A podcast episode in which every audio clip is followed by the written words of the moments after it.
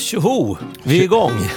Tjo på dig själv du Thomas. Du är andra gången i november. Vi lovade ju att vi skulle komma igen här för att stämma av lite grann med 30 mil i november, vårt projekt som vi har hållit igång med. Det är väl 5-6 år nu vi har hållit på med 30 Ja, men mil. någonting i den stilen är det ju Ja, faktiskt. och det blir fler och fler som hänger på. Det ser man på olika hashtags och så vidare. Ja. Och man ser en hel del som inte hashtaggar som också går i mål med sina 30 mil i november. Och vi lovade ju att under det här avsnittet liksom snacka lite grann hur det har gått för dig och hur det har gått för mig. Och sen har vi lite annat och sen har vi också lite nyheter att berätta. Att vi, Mm. vi är snart igång igen. Ja, det, det känns som ett välmatat program. Ja, eh, vi får väl se hur länge vi håller på. Det är som, som vanligt. Ibland är det 45 minuter, ibland är det en timme och ibland Ja. är det en timme och 15 minuter. Vi har ju Christer Isaksson med oss också. Just det. Såklart. Ja. Han finns med precis som vanligt. Så att, egentligen, det är precis som vanligt fast det är lite... Lite tätare än lite vanligt. ja, det är, det är kul. Ja, precis. Eh, Det tycker jag verkligen. Men du, eh, vi kör väl lite grann på 30 mil Mm. i november. Jag vet inte hur du, var det du som kläckte den där idén en gång i tiden? Ja, och jag tror, jag kläckte den utan egentligen någon betänketid, utan det var bara någonting som jag sa. Ja, och då drog en mil om dagen, vi vet 30 dagar i november, en mil om dagen. Hur svårt kan det vara, Ja. tänkte vi. Inte alls svårt, tänkte vi, men det har det visat sig att det har varit. Mm. Alla år har vi inte lyckats. Nej, det har vi inte gjort. Jag tror både du och jag har, har kroknat, eller av olika anledningar, innan vi har kunnat gå till mål. Eh, Vi har någon slags allergisk reaktion här på, på Anders Adamsson. Beror det på att du kommer på att annonsera att du inte fixar 30 mil i november i år? Ja, vem, Eller- vem vet, vem får, se. vem får se. Men det, är- det är så, 30 mil i november, allting räknas. Det räknas inte, i- ja, all, nu gör jag så nästan rodna. Det räknas ju inte om man kör inomhus har vi bestämt. Nej. Utan de ska vara utomhus, men däremot räknas det om man åker ner och köper tidningen, vilket ingen gör nu för tiden. Men man kanske skulle behöva göra det för att en kilometer här, två kilometer där, tre kilometer där, kanske en träningstur här och en träningstur tur där. Det gäller på asfalt, det gäller på crosscykeln om ni har sån, det gäller på Bromptoncykeln, det gäller inte om ni är elektrifierade, de milen räknas inte. Eh, men det räknas också om du köper det här nya, moderna eh, gravel som man kallar det, Mm. grusvägscykel. Just det. Och det kommer vi prata om lite senare om i programmet också. Vi Det- ska ju försöka titta lite mer på just den trenden inför eh, kommande säsong med cykelradion. Mm, det ska vi absolut göra. Nej, men sagt, allting räknas, alla kilometer räknas som man gör. Och framförallt nu så här mot slutet av november, då är det ju spännande att försöka hålla koll på hur man ligger till. I början, då är det ganska, i alla fall för mig, det är ganska lätt. Det är bara att kolla vad det är för datum. Ja. Och så kommer jag ihåg hur mycket jag har kört sen sist. Och så vet man om man ligger före eller efter. Mm, Vi gjorde ju så här för att trigga varandra, där vi delade ett dokument i cybervärlden som gör liksom på något sätt att jag kan ha koll på dig och du kan ha koll på mig. Sen går jag in och kikar på kvällen. Fasen, ja, Thomas har inte varit ute idag. Och nu ligger han lite risigt till här och, och sen helt plötsligt dunkar han till här med ett x antal kilometer någon dag. För du hade ju en ganska klar plan vill jag minnas att du Mm. pratade om i senaste programmet. Va? Jag hade definitivt en, en plan eftersom jag visste att jag under en, eh, en vecka där inte skulle ha några möjligheter att kunna cykla. Mm. Så, att då, så var jag tvungen att liksom ta höjd för det, i alla fall mentalt, och försöka se var kan jag lägga in mina runder så jag får ihop mina 30 mil. Eh, sen blev det ytterligare ett antal dagar som försvann och det ska jag berätta om lite om en stund. För jag la ut en film för några dagar sedan om att turen i fredag som jag gjorde, det var den bästa hittills under november. Och det har att göra med den där veckan som också försvann, fast den inte skulle ha försvunnit. Okej. Men vi tar det om en stund. Vi gör väl som vi brukar, vi spelar någon passande musik. Se om vi får fart på det här spelverket.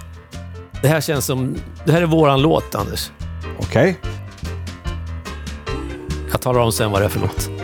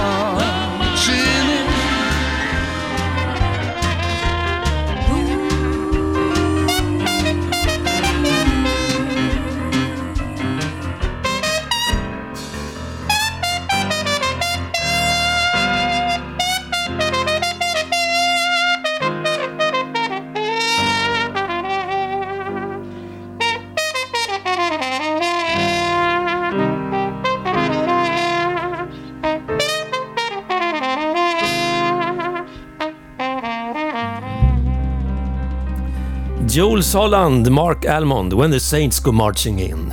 Mm, du vet, var det en saxofon där på slutet eller vad var det en för instru- trumpet. En trumpet, ja du vet. Jag och musik, vet du, det är, jag är inte så vass. Men jag har, som jag sa till dig lite innan, jag kanske kommer med i matchen. Alltså, för väldigt sent in i den så kallade matchen har jag kommit med det här med, med att lyssna på streamad musik. Det är bara någon vecka tillbaka som jag eh, Rytmen, taktkänslan är fruktansvärt dålig jag förstås. Så när till och med barnbarnen skrattar åt det när man ska försöka hålla takten. Då förstår man att eh, Det är tufft. det är tufft som tusan. Men okej, Ja, nej, men du, eh, vi skiter i musiken. vi skiter i det. Du, för, för, ja, vi ska bara kolla Eller- nej, Är det ett tema på musiken eller är det random idag? Ja, det, det är lite random fast det finns ändå ett... Alltså jag tänker att det här... Musiken idag, den har någon slags bäring på hur det känns att vara ute och cykla i november. Okej. På olika sätt. Mm. För vi har ju cyklat, Thomas, Ja. både du och jag. Och jag kan väl redan nu, jag kan fan avslöja att jag är redan i mål du, trots att vi idag bara mäter den 28 november. Jag fick, fick lite panik en period när snön vräkte ner i Mm. vårt närområde och gjorde det nästan nästintill omöjligt att cykla. Men eh, jag har ju vardagscyklat. Jag har ju det fördelen gentemot dig att jag har ganska mycket vardagscykelpass kan jag se här när jag noterar. Jag gick i mål redan den 25 eh, november var jag i mål med mina 300 kilometer, så 307 har jag kommit upp i. Jag har nog kört någon kilometer också i, i helgen här. Det jag har ju som, som jag är inne på, det, det blir lite enklare för mig. Du måste ju nästan ge dig ut. För det, tittar jag, det är många nollor för dig Thomas. Ja. Och den där veckan som du sa, den hade du ju varnat för. Men eh, låt höra, hur går det och hur ligger du till? Jo, men alltså jag har ju eh, 30 kilometer va, kvar. Ungefär. Tre mil kvar och tre dagar kvar. Ja, men, ja, men jag tänker så här, 30 kilometer den 30 november. Det är ju ett, eh, ett projekt i projektet. Ett projekt, i- så du tänkte liksom spara till Ja. den allra, allra sista Ja, det dagen? tänker jag göra. Det tänker jag. Ja. Men tänk om det är ett riktigt busväder då? Jag har kollat prognosen och den är inte, den, den är inte jättefantastisk. Den är inte, den, men den, är den jättedyster då? Nej, det är den inte. Det, det är väl det är några plusgrader och lite nederbörd. Men jag har cyklat det tidigare under november här. Så att det, I, är, I riktigt dåligt väder? ja, det har jag gjort. Så att eh, men, men faktum är att, som du ser, jag har ju lite längre etapper än vad du har. Ja, du har tre pass som har varit längre än mitt längsta. Ja. Och, och mitt, för det är ju lite spännande. Många kanske tror att jag med min cykelbakgrund är den som spänner iväg med väldigt mycket kilometer. Eh, så är det inte. Min längsta dag var den 9 november. Då körde jag 39,7 kilometer och då var det först en, liksom en träningstur ombytt och klar. Det är lite stigar och det är små, små grusvägar som jag har kört de mesta av de här kilometerna. Men sen hade jag ganska mycket liksom, eh, vardagscykling den dagen också. Jag hade ett antal ärenden runt om i stan som gjorde att jag kom upp i 39,7 kilometer. Du har tre pass här, noterar jag, alltså, över fyra mil. Och det allra längsta, det var igår det och ändå så går du ganska bra här idag. Det är ingen Ja, ja. träningsväg. Nej. 45,2 kilometer Ja, visst.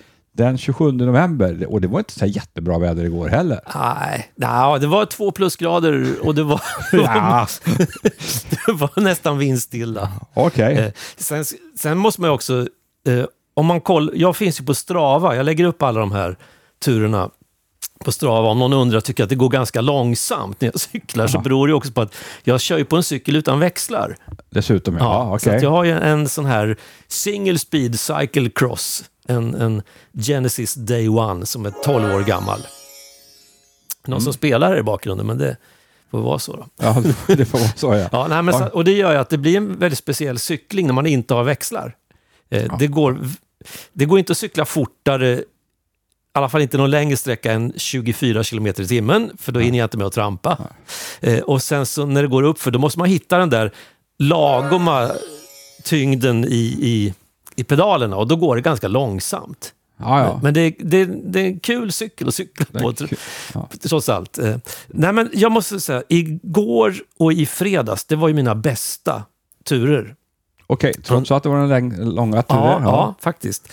Eh, och det kommer, nu kanske det blir lite too much information för en del, men det är bara cyklister som lyssnar på det här. Så att, eh, första november, när jag tog den första turen, jag tror att den var två mil, den första rundan.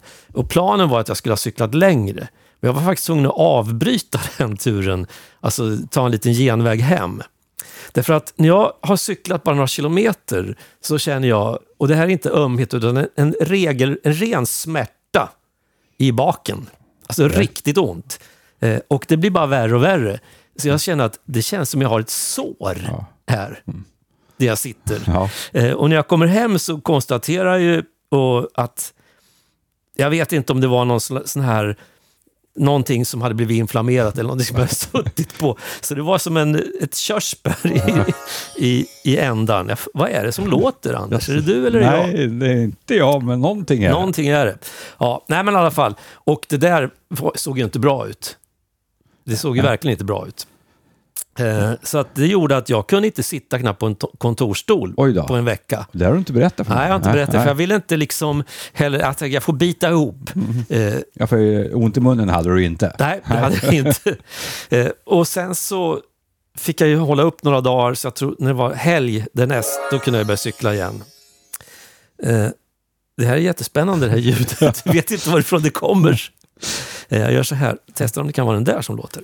Eh, nej, men, och då när jag började på cykla igen så kände jag att när jag blev varm och lite svettig så, så var det sved rejält Ja. alltså. Men det lossnade någon typ sårskorpa Ja. i veckan. Eh, och i fredags så kunde jag cykla utan den där svedan och verken.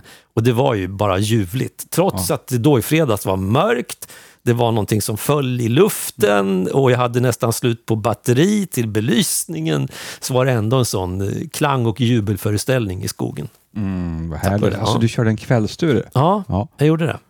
Eh, och det var första riktiga kvällsturen Okej. den här gången. Och då var det också jag kom iväg lite för sent. Vi hade lite ärenden att fixa. Och så tänkte jag, jag måste hitta lampan. Och den var inte laddad sen förra, förra vintern. Såklart. Så jag gjorde en snabbladdning på typ 20 minuter medan jag bytte om. Eh, Och så körde jag den på minsta liksom, eh, effekt. Och så kände jag att jag måste hålla mig hemomkring fall det tar slut.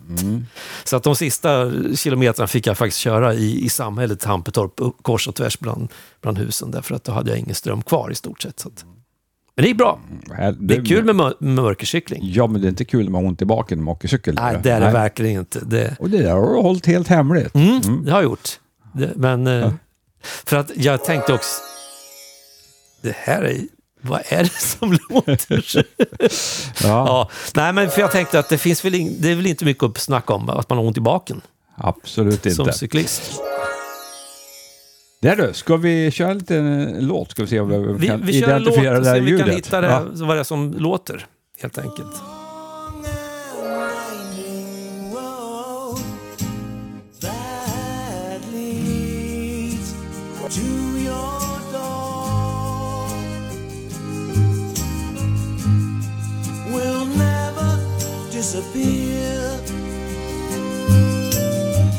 I've seen that road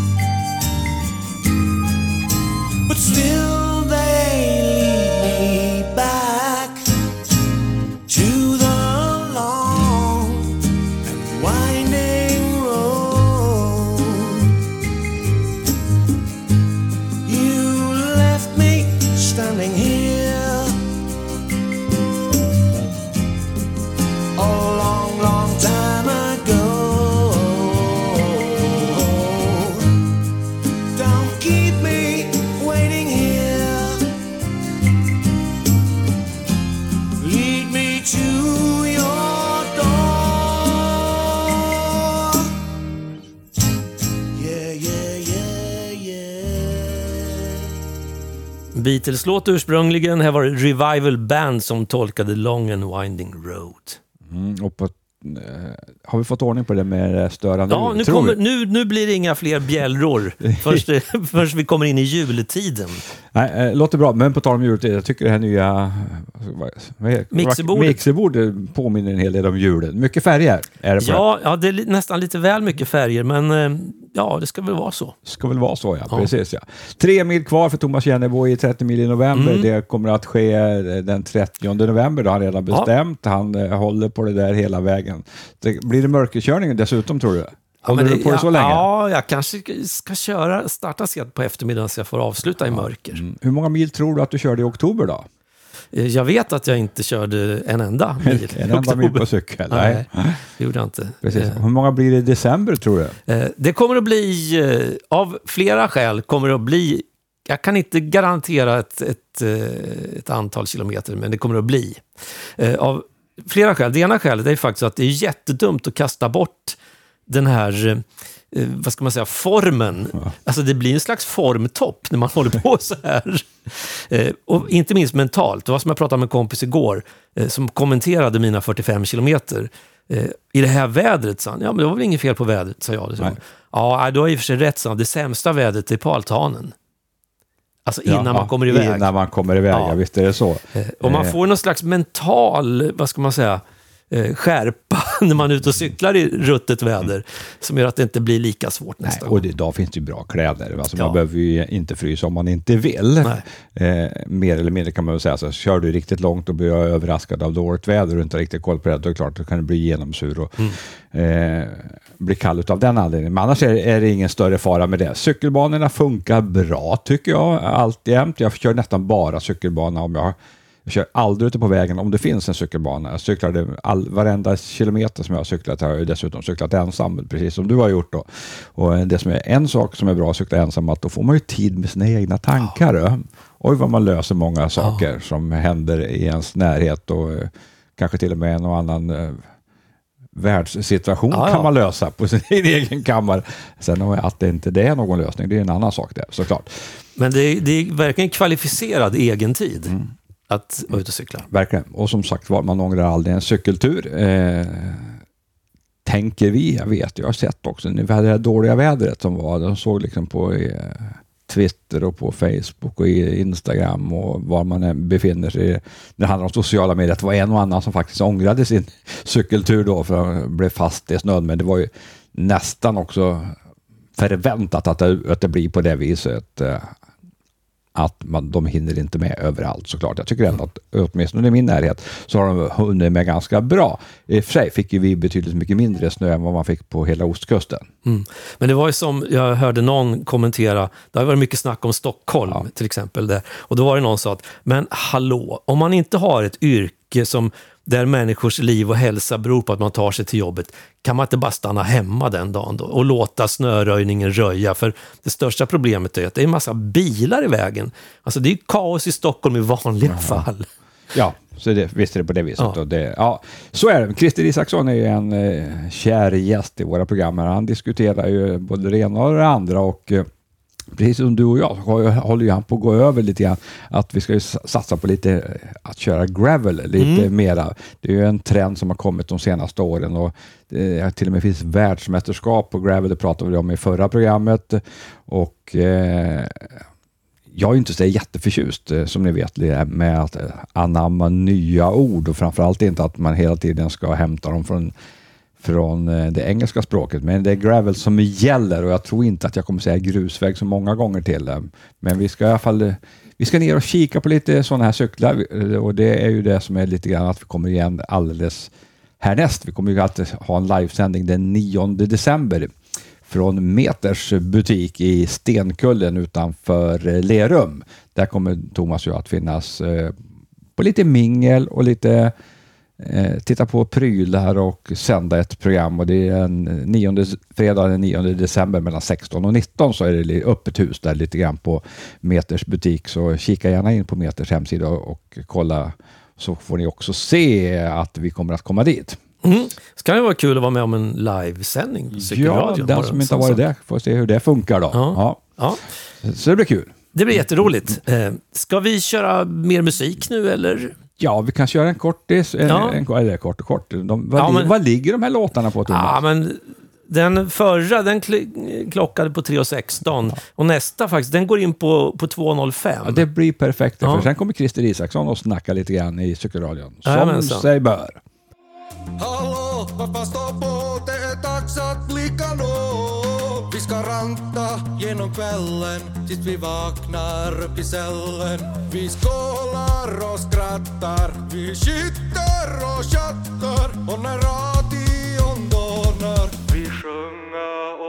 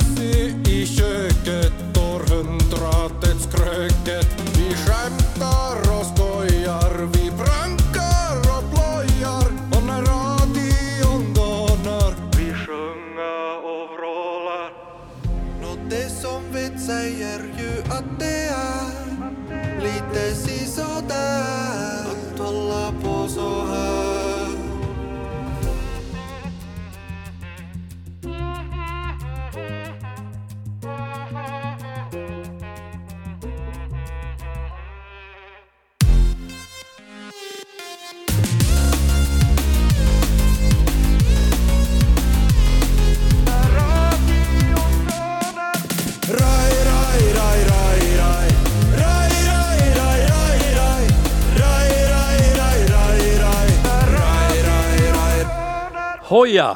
När radion dånar. Häromdagen pratade jag med vår egen krönikör, cykelexpert, trafikplanerare Christer Isaksson om eh, huruvida han hade upptäckt några ljusglimtar på den kommunala eller statliga cykelplaneringshimlen. Jag har lite svårt att hitta dem. Jag, jag har liksom frågat runt i mina nätverk och, och, och så vidare och ställt allmänna frågor i, i olika typer av forum eh, som finns då för att få, input och, och, och få de här ska säga, goda exemplen. Och, och, eh, det, det kanske brister i mina nätverk och så vidare men, men det kommer inte in någonting. Jag får inte så att säga napp Eh, och jag försöker ju följa det här liksom personligt också, att, att, att studera och, och vad, vad det är som händer runt om i landet eh, och se att för många kommuner och vår riksdag slår sig ju verkligen för bröstet och säger ökad och säker cykling. Nu ska vi satsa på cykel. Det är liksom eh, en viktig parameter för det hållbara transportsystemet, det hållbara samhället och så vidare. Och, och då vill man ju gärna se vad ska vi säga, tydliga avtryck. Det, det är mer än en, en, en liten smal cykelbana här och där. Det är ju inte liksom en förändring. Va? Och, och, och jag finner inget sånt. Så att, eh, det här kan ju vara ett sätt att efterlysa goda exempel där man verkligen kan se alltså, lika, liknande lösningar och utformningar som till exempel vi hittar i Nederländerna där de verkligen ger, gör avtryck för cykeltrafiken. Men vad tror du det kommer sig då att, att svenska, om vi säger det, för det, det här är ju politiska beslut eh, Mm. ytterst, att svenska politiker nöjer sig med att man har 250 meter röd cykelbana som symbol för lyckad cykelpolitik i staden? Alltså, jag tror grunden är kanske att om, om, om man nu fattar de här besluten att nu ska vi satsa, nu ska vi göra det här för cykel, då, då måste ju så att säga tjänstemannaorganisationen eller de yrkesutövare som ska omsätta de här besluten faktiskt ha någon form av, av grundläggande erfarenhet och kunskap vad det här innebär. Och tittar man på, på våra utbildningar av de kompetenser som är, in, inblandade i stadsbyggandet så finns det ju ingenting som egentligen handlar om hur skapar man ett cykelsamhälle? Jag till exempel är, till och från iväg till några av de tekniska universiteten och håller några timmars cykelplaneringsutbildning.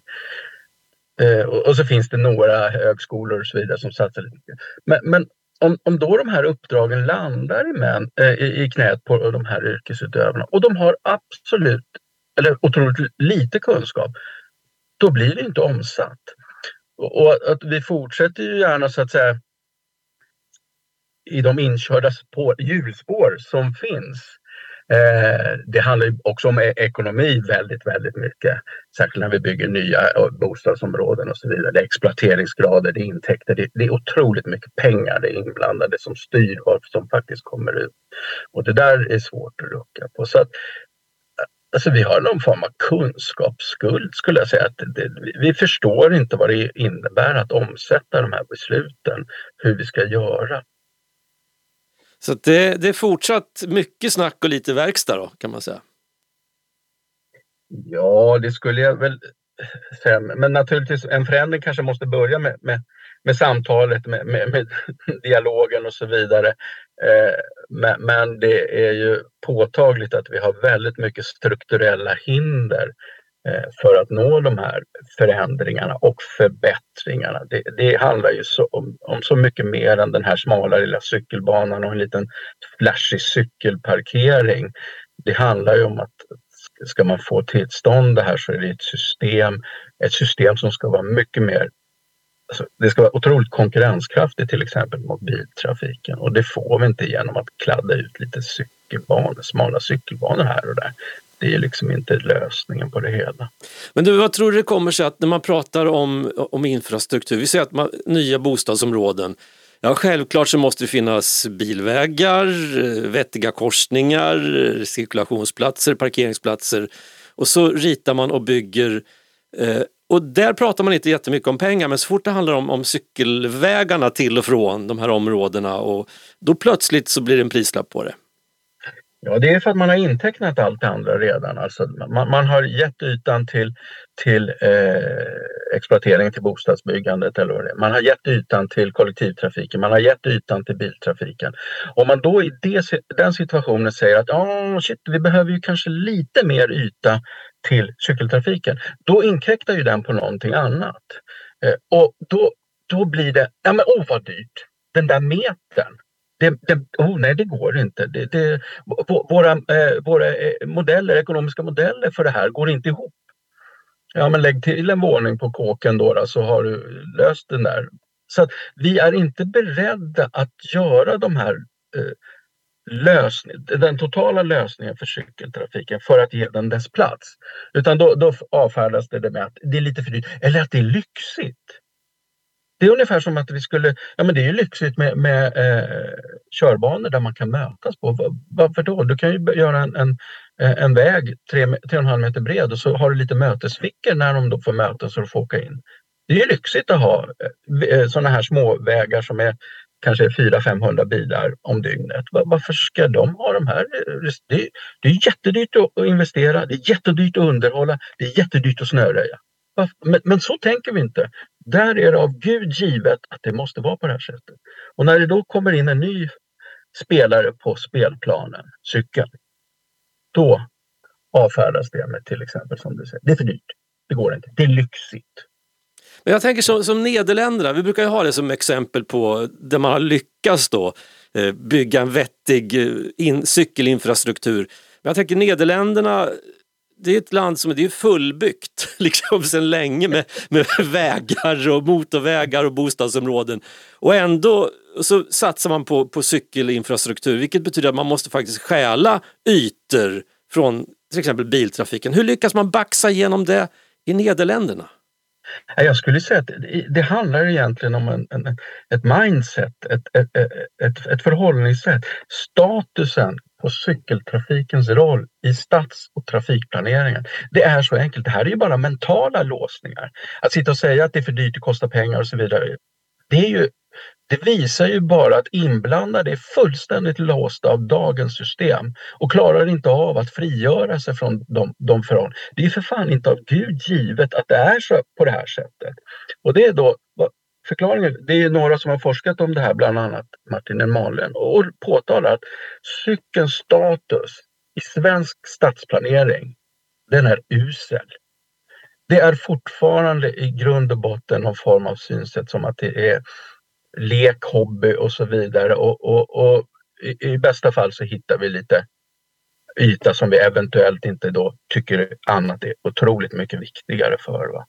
Så att det, och hur man jobbar upp den, ja det kanske är år av envishet och tålamod och så vidare. Men också ännu tydligare politiska direktiv till de som är inblandade i att förverkliga de här politiska besluten. Att det, det, det här funkar inte. Det, ni levererar inte det vi har beslutat vänligen och se över vad ni håller på med och, och snäppa upp er kunskap och kompetens.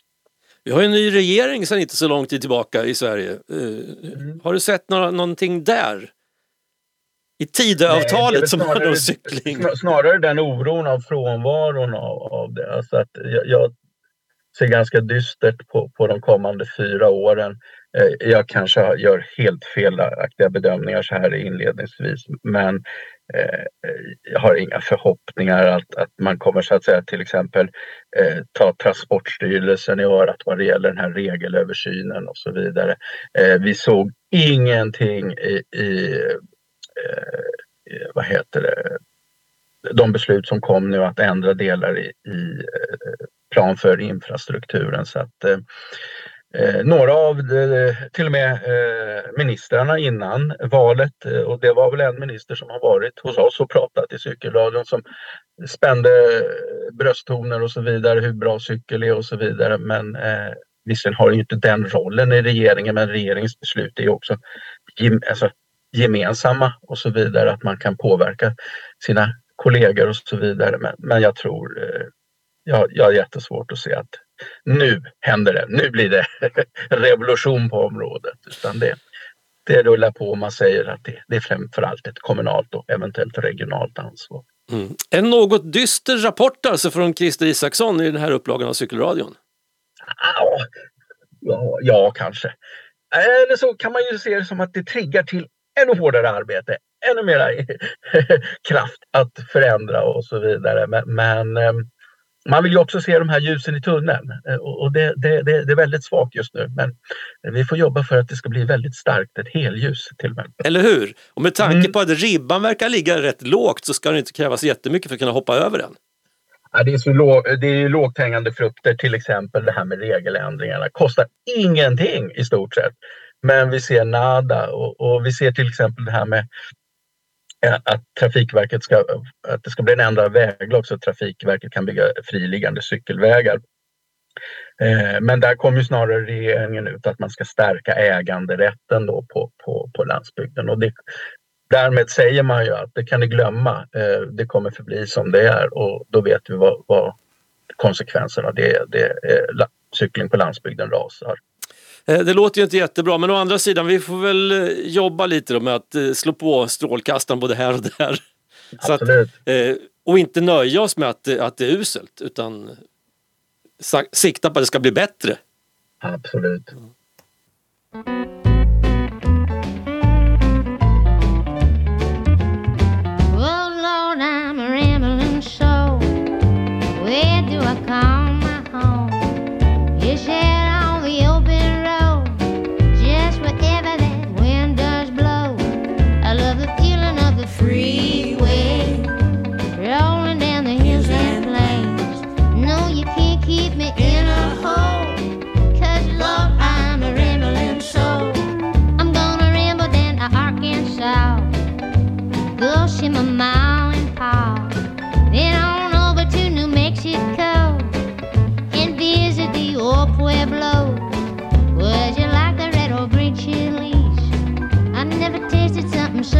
对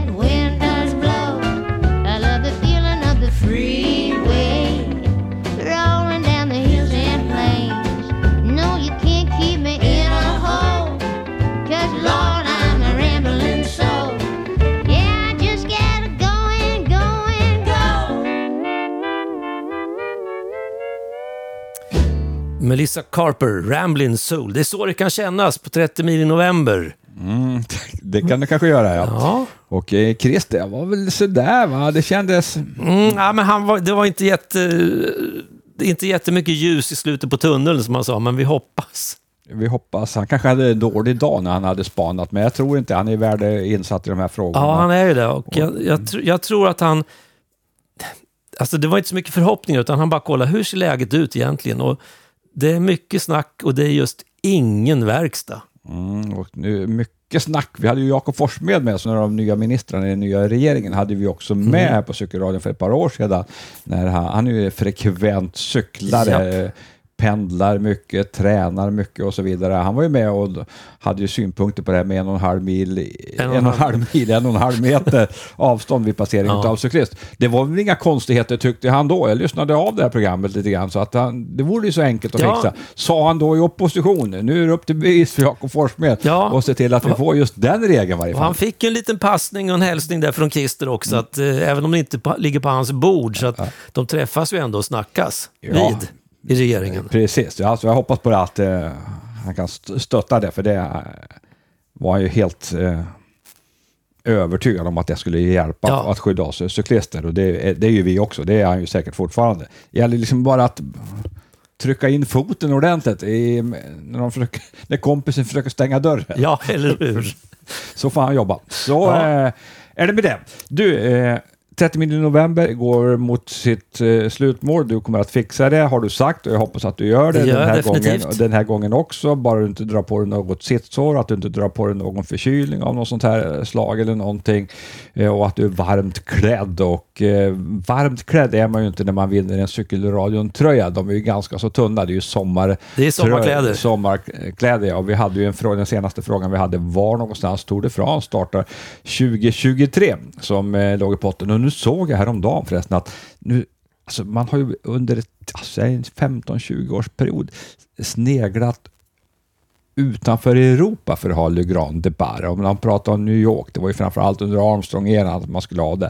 Och sen pratade man ganska mycket en period om att starta hela Tour de France i Guadeloupe och i Västindien. Det är ju en fransk koloni där cykelintresset är gigantiskt stort faktiskt kan man eh, kanske inte tro, men det är. Jag har varit i, i Guadeloupe på cykeltävling och det var, var ju Tour de France-stämning på varenda etapp där. Mängder av människor ute och kika och egna små professionella lag har de där i lite miniatyrvariant. Men nu är det ett ihärdigt rykte som säger att 2030 så kommer Tour de France att för första gången under dess långa, långa historia, den drog igång Tour de France redan 1903, att starta i Kanada minsann. Det är det man pratar om. Så att det tror jag nog banne mig kan bli verklighet. Då får vi... Åka till Quebec. Quebec, ja det kommer ju bli i de fransktalande delarna, alltså, tänker jag då. Och då pratar man om fyra etapper i Kanada innan man så småningom då ska forsla över hela serven till Europa igen. Ja, det blir spännande. Men frågan var ju naturligtvis eh, var, någonstans Tour de France startar nästa gång då, 2023. Och eh, mängder av svar har trillat in igen. Alla svar har varit rätt den här gången. Om ni kunde det direkt ur huvudet eller om ni fick googla på det, det vet inte jag. Men eh, jag kan det direkt i huvudet att det startar i Basken, nämligen i Bilbao. Där kommer Tour de France Le Grand Depart starta 2023. Och det var ju en, eh, en hel del som svarade på det där och tombolan den snurrar, Thomas. Det gör den. Och då drar vi en lapp här då. Och eh, Basken, mycket riktigt. Eh, det här går till Täby. Johan Sandberg. Johan Sandberg i Täby Ja, får en tröja lagom till jul då va? ja det blir det väl. Ja, Absolut. Grattis till Johan till ännu en Cykelradion-tröja. Och eh, en ny fråga. Ska vi, den tror jag att jag tar banne mig direkt här vet du. Eh, det var ju här Le Grand Depart, det var ju liksom den här med starten och, och sådana saker. Och det finns ju dagar för både det ena och det andra. Att Sveriges nationaldag är den 6 juni känner väl alla till. Alla känner dock inte till att Danmark eh, är dagen före oss med 5 juni. Den 6 december är ju Finlands självständighetsdag och det finns kanelbullens dag och det finns väl eh, hummerns dag tänker jag och så vidare. Men vilket datum är det, är det faktiskt cykelns dag? Det är till och med FN som har bestämt sig. Det här är inget eh, Det är inget lokalt påfund. Inget lokalt påfund som någon har hittat på eller, eller Christer Isaksson eller någon annan. Utan självaste FN har bestämt att det är en speciell dag som är cykelns dag. Kan ni det så skickar ni in det svaret till.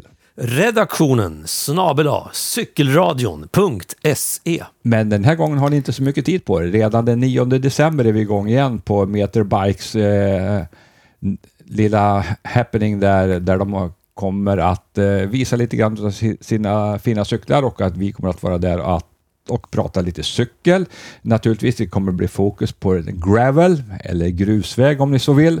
Och eh, allting sker ju i Stenkullen och eh, är ni sugna på det så kika gärna in på deras hemsida. Dra ett mejl att ni är på gång. Det är alltså den 9 december mellan 16 och 19 som det är lite öppet hus där och någonstans under den här mellan 16 och 19 så kommer Thomas och jag att köra ännu ett program av cykelradion.se och det blir nog det sista för 2022. Det lär det ju kunna bli, tänker jag. Och för första gången då i cykelradions historia så har vi härmed ett stoppdatum på tävlingen. Det vill säga midnatt den 8 december måste du ha lämnat in svaret på den här frågan, helt enkelt, om du ska vara med. Och frågan var alltså vilken dag är det cykelns dag? Och det är inte bara så att säga i den svenska almanackan, det är i hela världen. Worldwide. Och därmed stänger vi butiken för den här gången. Mm, och ni som ännu inte är färdiga med 30 mil i november, ni har det idag den 28, 29, 30, det är tre dagar på er. Thomas Jennebo har tre mil kvar att köra. Det kommer att ske den 30 och det kommer att ske utan lyse vad jag förstår. Va? Förhoppningsvis utan lyse. Mm. Lycka till Thomas! Tack för det. Ha det gött. Hej svejs. Bye.